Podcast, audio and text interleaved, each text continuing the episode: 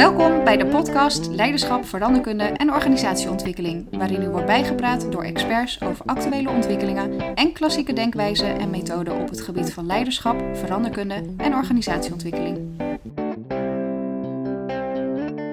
Ik uh, zit hier vandaag met uh, Arne van Hout, de gemeentesecretaris van Nijmegen. Uh, en wij gaan het hebben over wat wij noemden de schaalsprong. De sprong van een relatief kleine organisatie naar een grote organisatie. Arne heeft ook gewerkt in een van de kleinste gemeenten van Nederland, de gemeente Roosendaal. en is na wat omzwervingen nu in de tiende gemeente van Nederland terechtgekomen. als gemeentesecretaris in Nijmegen. Um, en daar gaan wij eens met elkaar over hebben van, goh, wat zijn nou de verschillen? Wat heeft gemaakt dat je daar terecht gekomen bent? Dus van harte welkom, Arne. Nou, dankjewel Christian. Ja, ja. Um, ik denk dat hetgeen waar wij het over gaan hebben voor heel veel uh, mensen in organisaties en met name leidinggevenden hele interessante vraag is. Wat, wat zijn nou de verschillen tussen grote en kleine organisaties? Maar ook wat maakt nou, wat heb je te doormaken om in zo'n grote organisatie te kunnen slagen? Um, dus eigenlijk mijn eerste vraag aan jou zou zijn: wat was nou ooit de reden voor jou om als beginnend medewerker in Roosendaal toch nu hier te eindigen? Wat, wat, wat beweegt jou? Nou ja, wat mij mijn hele werkzame leven beweegt is uh, uitdaging. Vind ik mm -hmm. dingen leuk. Ja. Uh, ik ben iemand die alles oppakt wat op mijn pad komt. En vaak ook dingen uh, naast het pad opraap en daarmee aan de slag ga. voorbeeldje, in Roosendaal kregen we te maken met een dossier over een school. overleggen met ministeries namens een aantal gemeenten. Ja, dan spring ik in zo'n gat. En mm -hmm. dan, dan, dan treed ik naar voren van ik doe dat wel even. Ja. Omdat ik het leuk vind om alles te doen wat op mijn pad komt. Ja. En ik denk wat um, mij wel kenmerkt is, omdat ik alles wil pakken en steeds nieuwe dingen wil doen, dat ik ook gewoon open sta voor vernieuwing. Mm -hmm. En ook voor vernieuwing in mijn eigen werk. Yeah. En het, ja, het, het, ik kan allemaal mooie verhalen uh, houden van hoe komt het nou en wat voor plan had ik. Het eerlijke verhaal is, ik had helemaal geen plan. ik had geen plan om van Roosendaal naar weet ik waar te gaan. Ik zat bij een adviesbureau toen ik uh, in Roosendaal werkte. Mm -hmm. Toen ben ik naar de gemeente Weesp gegaan. Ja. Uh, interim hoofd ruimtelijke ordening. Weesp, dat ligt uh, anderhalf uur rijden van mijn woonplaats af. Ja. En op een gegeven moment was ik het autorijden zat. En Ja. de volgende klus zou zijn in Monnikendam, nog verder van mijn woonplaats Ja. af. En toen kwam de gemeente Bronkhorst voorbij met een vacature uh, hoofdbouwen en milieu. En daar heb ik op geschreven. Ja. En dat is een sollicitatie die ik echt helemaal uit mezelf gedaan heb. Zo van Ja. ik wil nu iets anders gaan doen. Ja. En alle stappen die daarna gekomen zijn, ja, die zijn toch min of meer bij toeval op mijn pad terechtgekomen Ja. omdat je gevraagd wordt of omdat mensen vragen of je wat anders wil gaan doen. Ja. Ehm, ja zo. Nou ja, en, want jij bent toen uiteindelijk gemeentesecretaris geworden in, uh, in Bronkhorst. Ja. Uh, hoe lang heb je dat gedaan? Vijf jaar. Oh ja, dat is Ik best een poos. Tien jaar in totaal in uh, Bronkhorst gezeten. Ja. Waarvan vijf jaar als afdelingshoofd bij diverse afdelingen. Bouwen en milieu, financiën en belastingen, maatschappelijke ontwikkeling.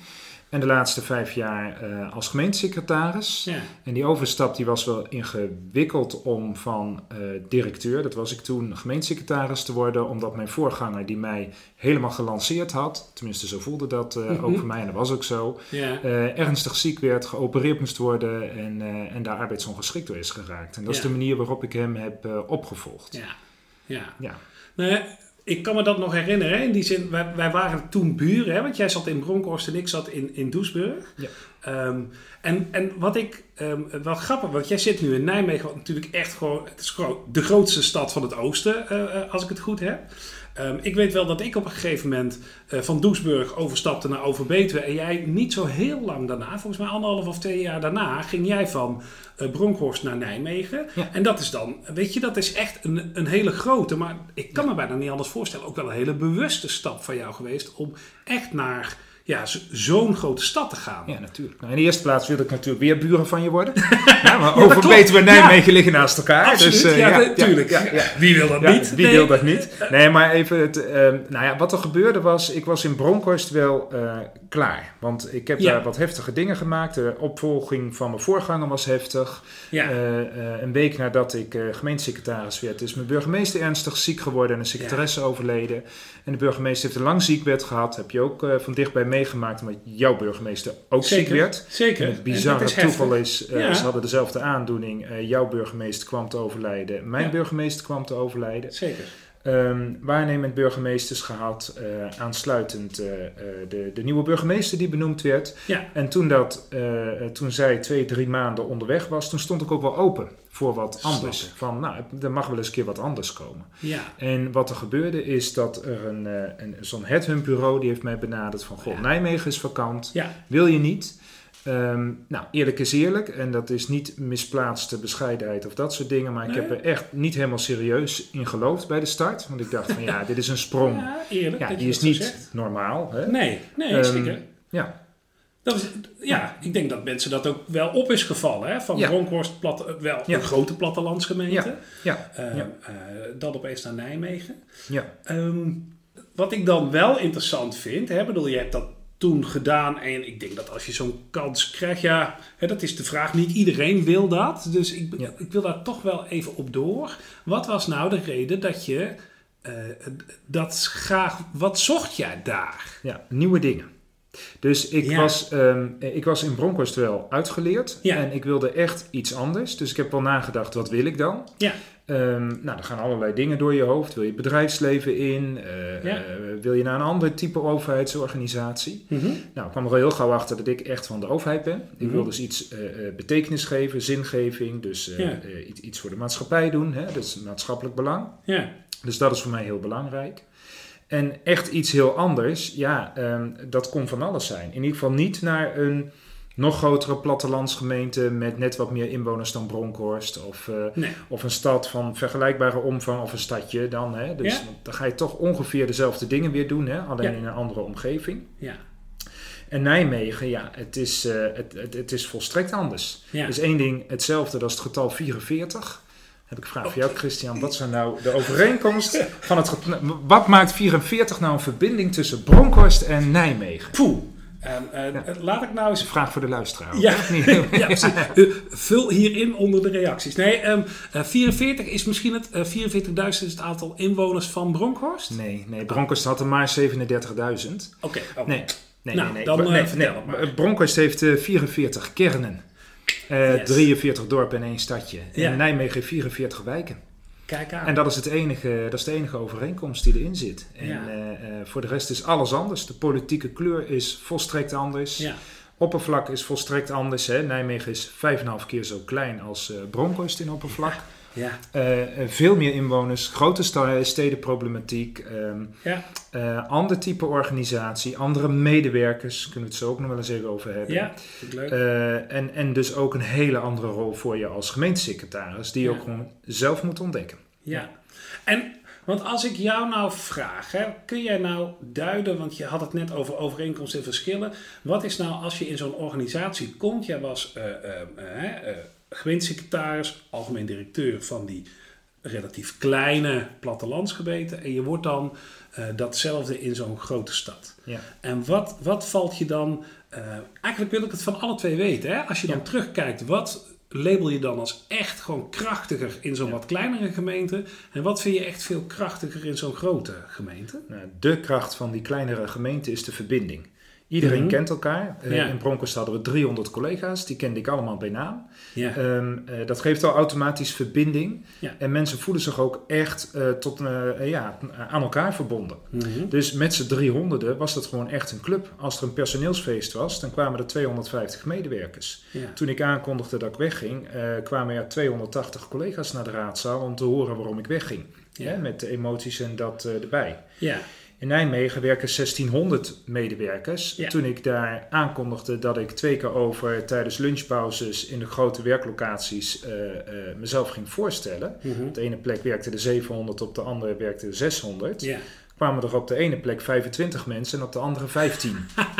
Tussen de middag, twee weken van tevoren aangekondigd. En Ja. eh, ehm, eh, dus een totale desinteresse, zo voelde dat, van wie daar nou eigenlijk gemeentesecretaris wordt. Ja. Echt gewoon niet relevant voor heel veel medewerkers. En als je terugkijkt, is dat dan ook inderdaad niet zo relevant voor zo'n, in zo'n grote organisatie? Eh, nou, ik ben eigenwijs genoeg om te denken dat het dus wel relevant is. Ja. Want ehm, nee, de kracht van die kleine organisatie is eh, verbinding. Ja. Is ook, eh, wij zijn vanzelf, als kleine gemeenten, zijn, de, zijn we vanzelf één overheid Mhm. als gemeente. Ja. Dat zijn we in die grote organisaties niet, traditioneel ook niet. Mhm. Vaak ook een wethoudersmodel. Hè. Wethouders brengen stukken in het college in. Afdelingen ondersteunen hun wethouder. Die afdelingen zijn zo groot, 200, 300 man, dat die op zichzelf al een hele organisatie zijn. Ja. Dus hoezo één organisatie gemeente Nijmegen in mijn En geval? hoezo ook noodzaak voor die nieuwe directeur dan? Ja, ja, ja, want een directie was iets dat ver weg zat. En de gemeentesecretaris deed wat ceremoniële dingen. Die schuift aan bij het eh, college. En waar je echt mee van doen had, dat waren dan directeuren. En die hadden soms nog wel inhoudelijk wat te zeggen. Ehm, ja, en zo werkte dat dan. En vooral met mijn wethouder, daar had ik eh, vooral mee van doen. En dat was de leefwereld van de medewerkers binnen, eh, binnen Nijmegen. En zo waren ze ook altijd opgevoed en zo werkte het ook. En zo werden ze ook altijd aangestuurd. Ehm, en daarmee benoem je ehm, eh, volgens mij echt wel ook mooi de kracht van die wat kleinere organisatie. Hè? En de vraag die ik nu ga stellen, die heeft denk ik ook wel te maken met een worsteling waar ik in mijn huidige praktijk. Hè, want even, dat voor, ehm, voor luisteraars misschien ook wel leuk. We hebben natuurlijk inderdaad een beetje best lang hetzelfde soort werk gehad. Maar ik ben eh, bijna twee jaar geleden toen in die advies- en interimwereld ingestapt. Eh, en ik, ik zit nu bijvoorbeeld, en daarom ga ik je die vraag ook stellen, bij een eh, gemeente waar we een groot leiderschapstraject doen. Hè? En dat, daar, daar zoeken we ook naar hoe maak je nou, en dat is een gemeente nou, met een beetje vergelijkbare omvang, zeg ik dan maar even. Het gaat niet om de naam. Eh, maar wel, hoe zoek je nou de verbinding in dat leiderschap met elkaar? Ja. En ik hoor jou eigenlijk al een beetje een opmaat nemen. Nou, van ja, zo was het in Nijmegen. Ja. Maar volgens mij is het inmiddels anders. Ja, het is inmiddels, eh, het is inmiddels anders. Want Ja. men was op deze manier dus opgevoed en ik was binnengekomen voor de verbinding. Verbinding intern mocht beter worden en naar buiten toe ook. Want Nijmegen, eh, dat is de kracht van zo'n grote gemeente. Je hebt de luxe om gewoon echt hoogwaardige mensen aan te nemen. Het is een universiteitsstad, dus ja, Ja. veel studenten willen er blijven wonen. Het is een fantastische stad om te wonen, midden in het groen en Ja. echt wel grootstedelijke allure. Ja. Dus eh, veel mensen willen daar wonen. Ja, Ehm, eh, dus de Halve Universiteit solliciteert op iedere functie die we hebben. Met als gevolg dat er zeer hoog opgeleide mensen zitten binnen de organisatie van de gemeente Nijmegen. ja. En dat geeft ook een bepaalde kracht. Mhm. En natuurlijk kan je zeggen van ja, eh, academici die blijven eindeloos met elkaar praten. Ja, dat kan zo zijn.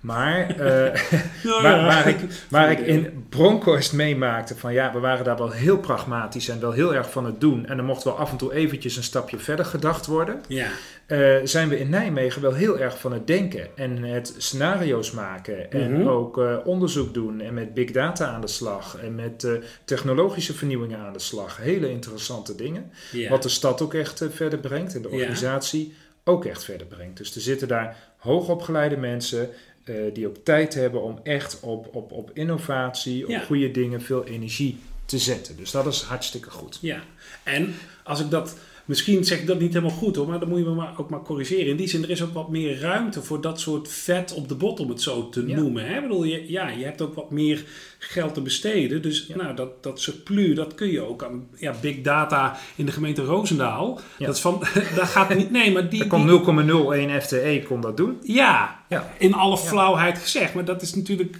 nou ja, dus ik snap, ik snap dat wel.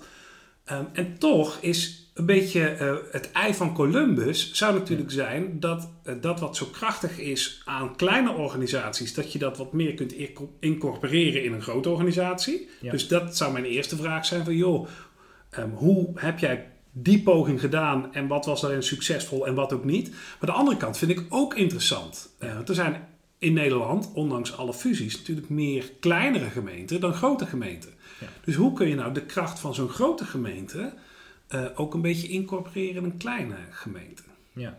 Nou, eerst bij het eerste beginnen, Ja. hè, want je stelt twee vragen. Eerst Ja. die van hoe ga je die eh, kracht van die kleine gemeente in de grote brengen. Ja, Ik geloof dat als je ergens komt als gemeentesecretaris, dat je altijd jezelf als persoon mee kan nemen en dat je ook ergens voor staat. Nou, ik sta voor verbinding.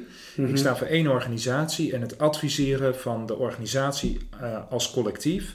Die adviseert aan het collectief van het college van burgemeester en wethouders. Dus niet aan een wethouder die het dan zelf in het college moet ge- voor elkaar zien te boksen. Dat is daar echt een cultuuromslag geweest. Ja. Omdat in Nijmegen was het gebruikelijk dat iedereen de eigen wethouder adviseerde. En die wethouders eh, aan de collegetafel met elkaar het gevecht wel aangingen. Nou, dus het was eerst een discussie binnen de organisatie. Wij adviseren met z'n allen dat totaal van het college. Mhm. En we kunnen veel krachtiger worden als wij één organisatie worden. Mhm. En ik had het gelijk aan mijn kant zitten, omdat uit eh, eh, eh, onderzoeken, medewerkerstevredenheidsonderzoeken, maar ook onderzoeken in de stad, bleek dat wij het hartstikke goed deden. Dat we een fijne organisatie zijn om voor te werken. Dat we hoogwaardige producten geven. Ja, Maar, je hoort er maar aankomen, tuurlijk. op Ja. één ding ging die mis. En dat was eh, die vraagstukken waar het gewoon domeinoverschrijdend was. Dus waar afdelingen met elkaar moesten samenwerken, daar ging het gewoon hopeloos mis. Niet altijd, maar wel op heel veel fronten. En dat je echt dacht, hoe kan het op die manier misgaan? En mensen zochten elkaar niet op, eh, zagen elkaars belang ook niet. Zitten in een soort onderhandelingetje met elkaar. Ja. Je hoort het ook aan taal. Hè? Ik heb eh, een, een afdeling die zegt, ik heb dit en dit bij die andere afdeling besteld. Hè? En, Oh ja, en die afdeling ja. moest dat dan leveren. En dan gingen we intern lopen te verrekenen en facturen lopen sturen ook intern. Hè? En daar, daar dan het gevecht met elkaar over aan. Ehm, ja, ik ben heel stel- stellig van nee, we zijn één organisatie, we doen het samen. En mijn idee van als je gaat verbinden of interne verbinding wilt zoeken, dat kan maar op één plek beginnen en dat is bij topmanagement. Ja. En het lastige was, toen ik daar binnenkwam, was daar een topmanagement van 35 mensen. Dus Oh. drie directeuren Juist. en 32 afdelingshoofden en programmamanagers. ja. En Dat klinkt als een waterhoofd, maar Ja, ja. Afdelingshoofden waren verantwoordelijk voor de lijn, ja. eh, voor de mensen als ze ziek waren, et cetera. Programmamanagers waren eh, volledig verantwoordelijk voor de inhoud ja. en legden daarover ook rechtstreeks verantwoording af aan de wethouders. Om de directie en secretaris heen. Dat was daar zo Mhm. bedacht, maar ook weer niet allemaal op papier vastgelegd. Mhm. Maar dat was wel de praktijk zoals die ontstaan was. En daardoor ehm, wist ik ook heel veel dingen niet. Kon ik op de wandelgangen horen Nee. als er een heel, heel Ja. spannend dossier in het college kwam, waarop eh, misschien het ja, echt wel heel erg spannend ging worden, hoorde ik dan bij toeval van de wethouder voorafgaand aan de vergadering. Hè? Dus Ja. eh, zo, eh, zo ging Ja. het. Ja. En, nu moeten we even opletten met z'n tweeën, want we hebben namelijk die tweede vraag nog staan, maar ik heb hier eigenlijk ook twee vragen over. Want, ehm, en ik zal ze ook weer even alle twee stellen, want daar, kun- kunnen we Ja. daar, daar Ja. komen wij denk ik wel uit samen. Ja. Ehm, ehm, want de eerste vraag die ik interessant vind is: hoe heb je dit nou bewerkstelligd? Hè? Dat vind ik een interessante. En de andere, dat is ook wel een observatie die ik in heel veel andere gemeenten eh, zie, is dat dit ook weer niet, zonder afbreuk te doen aan jouw verhaal, maar ook niet uniek is voor een eh, gemeente van deze omvang. Ehm, hè, opgavegericht werken zie je nu in gemeenten echt van nou, omvang zeg maar 10.000 tot eh, eh, nou, 200.000 eh, opgaan. Juist om het probleem wat jij benoemt te tackelen. Dat de wereld waar we het voor doen, hè, de inwoners, bedrijven, instellingen, et cetera, ehm, kijken naar die gemeentelijke organisatie en heel veel kokers zien. In mijn optiek is dit niet een probleem dat per se geldt voor grote organisaties. Zie jij dat ook zo? Eh, ja, alleen ik zie wel dat kleine organisaties beter in staat zijn om die grenzen te slechten, juist omdat je kleiner bent. En omdat je iedereen bij naam kent en iedereen aan kan spreken. En Ja. als ik één overheid wil zijn, dan kon ik in Bronkhorst in mijn eentje als secretaris de hele organisatie bedienen. Ik heb daar een keer een ronde gehad in groepjes van eh 30. Ja. eh, sprak ik de hele organisatie in, Ja. tien, in tien rondes. ja.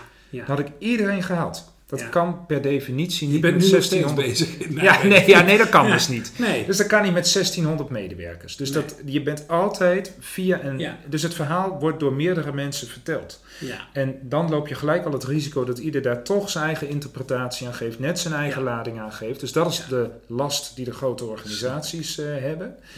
Ehm, en ik, terug naar die hoe. eh, ja, Gewoon ook even, ik ben benieuwd, want jij hebt dit, jij hebt dit weten te Ja. draaien, hè, te Ja. kantelen. Ja, ja, en dat is dus door niet eh, eh, met, met theorieën of met dingen om de hoek te komen, Nee. maar door één ding centraal te stellen. En dat is gewoon een hele makkelijke. Wij zijn één organisatie. En dat betekent dat we met elkaar te verbinden hebben. En dat betekent dus dat wij als gemeentelijk managementteam één team moeten zijn. En als je één team bent, dan weet je van elkaar wat er, van, eh, wat er bij jou speelt. Dan weet je ook eh, wat je in het verleden hebt meegemaakt. Dan eh, nou, ga zo maar door. Mhm. Ehm, en als je dat als gemeentelijk managementteam doet, dan kan je dat ook met de leidinggevende daaronder doen. Die zullen dan ook één team moeten worden. Hoewel dat lastiger is bij ons, want het zijn er maar liefst 65. Hè? Dus dat krijg je niet zomaar voor elkaar. Nee, maar... En hoe ik dat bewerkstelligd heb, is dus niet we gaan opgavegericht werken doen of we gaan. Nee. Want er lagen fantastische verhalen in Nijmegen klaar. Die blijven allemaal gelden. Ja. Moet je ook doen overigens. Hè. Dus ik ben Zeker. er echt niet op tegen. Dus ik wil ook niet opgavegericht werken eh, in de band doen. Nee, nee. Alleen, ik heb er wat bovenop gelegd. En dat is jongens, los van wat je kan, los van wat jouw professie is, ik vraag iets van jou als persoon. Ik vraag jou om jou te committeren, Ja. niet aan je afdeling, maar aan het totaal van Nijmegen. Ja. En ik vraag je ook expliciet te maken wat je daarmee doet. En ik ga met jou het gesprek aan hoe jij voorbeeldgedrag vertoont als iemand van het topmanagement naar de rest van de organisatie toe. Wat laat jij zien dat wij één organisatie zijn? Wat voor voorbeelden heb je daarvan? Wat zie je anderen doen? Ja. Hoe spreek je dat uit naar elkaar?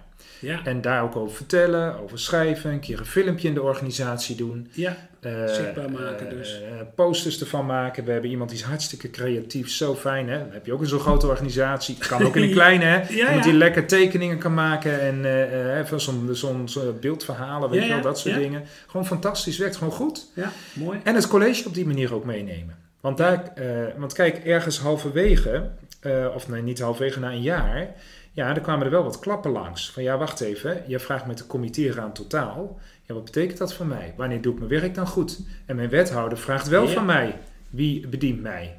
En de Ja. wethouders in het college vroegen, ja, wie bedient nou mijn belang? En dat was, of wie dient nou mijn belang? En dat was wel aardig. Eh, het Ja. concrete voorbeeld wat ik had, was dat één wethouder zei, en daar hebben we later nog wel eens op terug kunnen kijken. ja, beste secretaris, we hebben hier nu de begroting liggen. Ja. En, eh, eh, en er ligt een voorstel uit de ambtelijke organisatie. Ja. En ik spreek met mijn eh, afdelingshoofd verantwoordelijk voor duurzaamheid. En in de plek dat hij mij munitie geeft van hoe ik nog wat meer duurzaamheidsdoelen erin kan schuiven, vertelt hij mij waarom dit voorstel er ligt. En staat hij er ook achter. Dus jij dacht, Ik missie dacht- geslaagd. Ik dacht, dat is hartstikke goed. Daar ben ik, ik zei, dit doet hij heel goed zijn werk. Ja. En toen zei ze van ja, maar wacht eens even, wie, eh, wie dient hier nou nog of wie staat hier nou voor mijn belang duurzaamheid? Ja. En toen zei ik nou, dan heb ik een heel mooi antwoord voor jou. Want voorheen had jij jouw afdeling of jouw team van enige tiental mensen die voor je belang duurzaamheid stonden. En nu hebben we 1600 mensen Ja, die vechten precies. voor het belang duurzaamheid. Maar we hebben er ook 1600 die staan voor de jeugdzorg en we hebben er ook 1600 die staan voor, de, voor het beheer van de openbare ruimte. En dat is het mooie van dit verhaal. Iedereen staat voor jullie allemaal. Ja. En pakten ze die ook wel op? Ja, Ja, mooi. Ja. Ja. ja. ja, ja. Ehm, dan toch terug naar die eerste twee vragen waar we het Ja, over hadden. ja, ja, ja. Jij mag de structuur vasthouden, want daar ben ik niet van. Dus dat, eh, Oh, ja. nou ja, dat, ja. Is, eh, laat, dat komt zo, oh, in mijn kleuren ook niet altijd terug. Maar die podcast helpt mij wel. Zo zie je maar. Hè? Zo, zo, zo leer je ook wel weer nieuwe dingen. Ehm, nee, maar ik, ik zoek eventjes naar... Hoe kun je nou ook de kracht van zo'n grote organisatie incorporeren in een kleinere organisatie? Ja. Ja, nou ja, ik denk het mooie van. Ik, het, het grote verschil wat ik in het begin zei: een kleine organisatie is heel vaak goed in pragmatisch zijn en Ja. doen. Ja. En die vergeten nog wel eens even één stap verder te denken. De grote organisaties die kunnen nog wel eens blijven hangen in het denken. Mhm. En vergeten nog wel eens te doen. En ik denk dat ze daarmee over en weer van elkaar kunnen leren. En volgens mij lossen we het niet op door die kleinere organisaties heel erg in dat denken te stimuleren. Maar ze meer bewust van te zijn dat dat ook een belangrijk onderdeel is. Mhm. En de, eh, de mogelijkheden aan te grijpen die de grote gemeente in een regio kan bieden. Dus ik geloof heel sterk in samenspel tussen grote en kleine gemeenten. Ja. We hebben het ook gehad met eh, een, een, een, makkelijk eh, voorbeeld. Eh, Ja. We hebben een enorme afdeling veiligheid bij ons. En volgens mij was het in jouw oude gemeente dat we een, eh, een verschrikkelijk dossier hadden lopen. Eh, volgens mij was het niet van een pedofiel of zo die terugkwam in, eh, in de woon. En nou zoiets. Hè? Mhm. Gewoon een heel ingewikkeld vraagstuk. Ja, ja, zeker. Wat voor die Ja. collega bij jou in de gemeente echt een heftig... Ja, voor iedereen is het een heftig Nee, vraagstuk. Maar, maar die, zat, die zit er wel dan in zijn eentje mee. Van, hoe ga ik dit in hemelsnaam oplossen? Ja. Eh, en we hebben contact gehad. Ja. En ik kan dan zeggen, joh, eh, Christian, ik laat iemand van mijn afdeling veiligheid even naar jou toekomen. Ja. En die denkt eens even Precies. mee. En dat Ja. hoeft niet eens zo ingewikkeld eh, Nee. te zijn. Maar die, die, die, die, die- ja, die kijkt even mee, die denkt eens mee. En dan, en dan kan het ook weer verder. Dus we moeten veel meer leren om gebruik te maken van elkaar. En dan zeg jij, als ik hem zo vertaal, als, als kleinere organisatie, benut ook eigenlijk de, de ruimte die er is in je omgeving om dat wat je wat minder goed kunt aan te vullen. Wat ik van dit voorbeeld nog steeds een hele aansprekende vind, is dat uh, ik heb toen op een gegeven moment ook contact gehad met die, volgens mij was het een man. Ja. En alleen al de wetenschap dat er iemand was waarmee uh, mijn mensen konden sparren, uh, was bijna al voldoende. Want er is een paar keer contact geweest en dat heeft enorm geholpen. Maar daar waar wij volgens mij een beetje voorbereid waren op misschien echt wel flink aantal uren in, de, in die weken die eraan zouden komen. Uh, om, om eventjes jouw mannetje te lenen, om het zo maar te zeggen, is dat in de praktijk niet eens nodig geweest. Want gewoon alleen de wetenschap. Wow, oké. Okay. Ik, ik hoef dit niet alleen te doen, was al voldoende. Was al genoeg. Ja. ja. ja. Um, als jij nou terugkijkt naar de afgelopen 15, 20 jaar van jouw carrière. Hè? Um, en er zijn mensen die ook, uh, of dat nou is als bestuurder of als uh, ambtenaar of in welke organisatie dan ook, die de ambitie hebben uh, om door te groeien naar zeg maar echt een grote club in een eindverantwoordelijke rol. Um, kun jij nou voor jezelf eens in een paar zinnen duiden, wat heb jij moeten leren om te kunnen wat je nu kunt? Ik heb moeten leren om met heel veel type persoonlijkheden om te gaan. Ja. Ik heb moeten leren om politieke belangen te snappen en ook bureaupolitieke belangen te snappen. Mm -hmm. um, ik heb moeten leren dat, ook al wil je het, maar dat niet iedereen van goede wil is, om alles Nee. maar voor het totaal te laten slagen. Ja. Dus dat je daar af en toe gewoon echt uh, te maken krijgt met mensen waar je gewoon met gestrekt benen tegenin moet gaan. Ja. Um, en ik heb vooral ook moeten leren dat je vertrouwen moet hebben in jezelf. Want ik ben er al lang Ja. achter dat iedereen die kan slagen, hè, in mijn geval als gemeentesecretaris in een gemeente met 37.000 inwoners, die kan ook slagen in een gemeente, in een gemeente als gemeentesecretaris, hè, in een gemeente met 178.000 inwoners. Dat kan. Ja. Dus je moet, niet, uh, je moet je niet gelijk laten lam slaan doordat het veel groter is en veel Nee. ingewikkelder is. En uh, altijd na blijven denken, wat zeggen mensen hier nou? Ja. Wij zitten in een, communicatieve, uh, in een communicatief vak. Ja. Het gaat heel veel om framing. Het gaat heel veel om, om, om, om, om dingen laten zien. Ja. Het gaat heel veel om dingen gedaan te krijgen. wat je moet kunnen is gewoon heel goed luisteren. En bedenken, wat wil iemand nou? En wat voor belang heeft iemand nou? Ja. En wat voor spel speelt iemand nou? En wat voor Ja. spel speelt iemand niet? Ja. En als je dat als je die taal kan spreken, het lezen van mensen, en als je dat op een goede manier aan elkaar weet te verbinden, nou, dan maakt het niet uit. Of je in een kleine gemeente zit of in een grote, dan kan je overal succesvol zijn. Ja. En dan nog één over succesvol, Christian, vind ik ook belangrijk. Um, succesvol maakt wat je zelf doet en succesvol maakt ook hoe een gemeente is en wat die gemeente op dat moment ook nodig heeft. Ja. Ik weet niet of ik succesvol was geweest in Nijmegen als ik daar tien jaar geleden binnen was gekomen. Toen er nog een hele andere structuur zat. Ja. Toen er een heel ander college zat. Met een heel ander verwachtingspatroon Ja. van de secretaris. Het is ook de match die, uh, die het succes maakt. Ja. Ja, ja. Het moet ook op dat moment uh, uh, de juiste combinatie van factoren zijn. Dus Ja. dat is mooi gezegd. Ja. Hey, hartstikke bedankt. Ja, ik zeg heel vaak aan het eind van mijn podcast: ik denk dat wij niet uitgepraat zijn. Dat gevoel heb ik nu ook. Nee. Uh, maar dat pakken we dan nog wel eens een keer op. Ja, uh, ja. Dus dankjewel. Fijn dat je tijd wilde maken. En tot een volgende keer. Dankjewel, eh, Christian. Yes. Dankjewel voor het luisteren. Vond je dit een aansprekende podcast? Abonneer je dan in je favoriete podcast app. En deel deze aflevering met anderen. Heb je vragen of tips? Mail dan naar christianverdeberg.gmail.com of ga naar mijn LinkedIn pagina. Graag tot een volgende keer.